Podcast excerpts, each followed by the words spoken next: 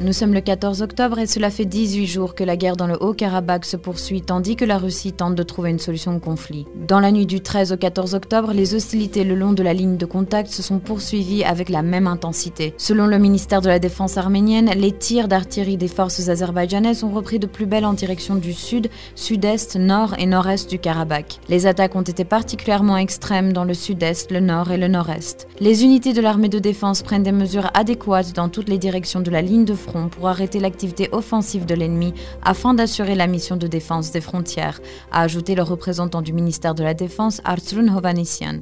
Selon le ministère de la Défense de l'Arménie, le 14 octobre, les forces armées azerbaïdjanaises ont pris pour cible du matériel militaire en service sur le territoire de la République d'Arménie, dans la zone frontalière avec Karvachar, en se fondant uniquement sur l'hypothèse que l'équipement était prêt à frapper les zones civiles d'Azerbaïdjan. Cette attaque n'a pas fait de victimes. Le ministère a réaffirmé qu'aucune roquette, obus ou balle n'a été tirée depuis le territoire de la République d'Arménie en direction de l'Azerbaïdjan jusqu'à présent. Nous déclarons en même temps que désormais les forces armées de la République d'Arménie seraient réserve le droit de viser tout objet militaire ou mouvement militaire en Azerbaïdjan, a ajouté le ministère de la Défense.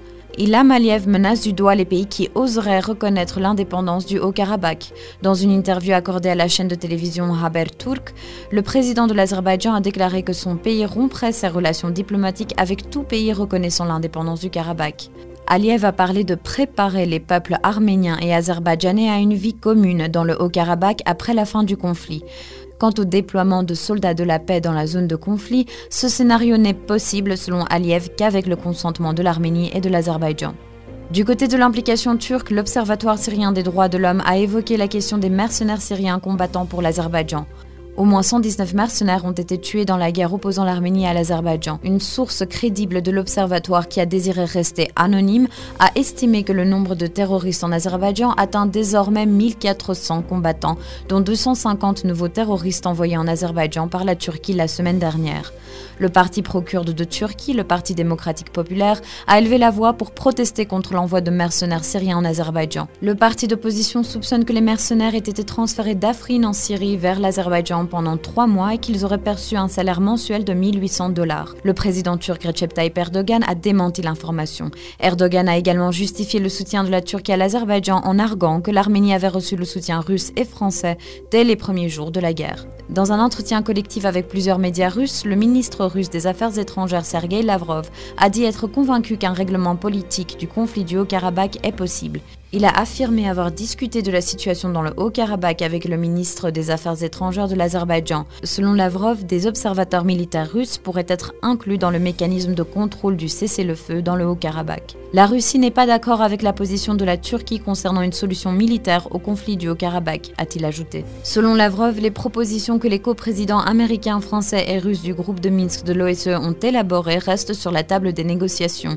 Le groupe de Minsk est en charge depuis les années 1990 de la résolution pacifique du conflit dans le Karabakh. Pour Sergei Lavrov, la résolution du conflit se résume en trois points. Le retrait progressif des troupes arméniennes d'environ cinq régions du Karabakh, ce qui garantirait la sécurité du Karabakh, assurant une connexion fiable entre l'Arménie et le Karabakh jusqu'à ce que le statut définitif du Karabakh soit déterminé.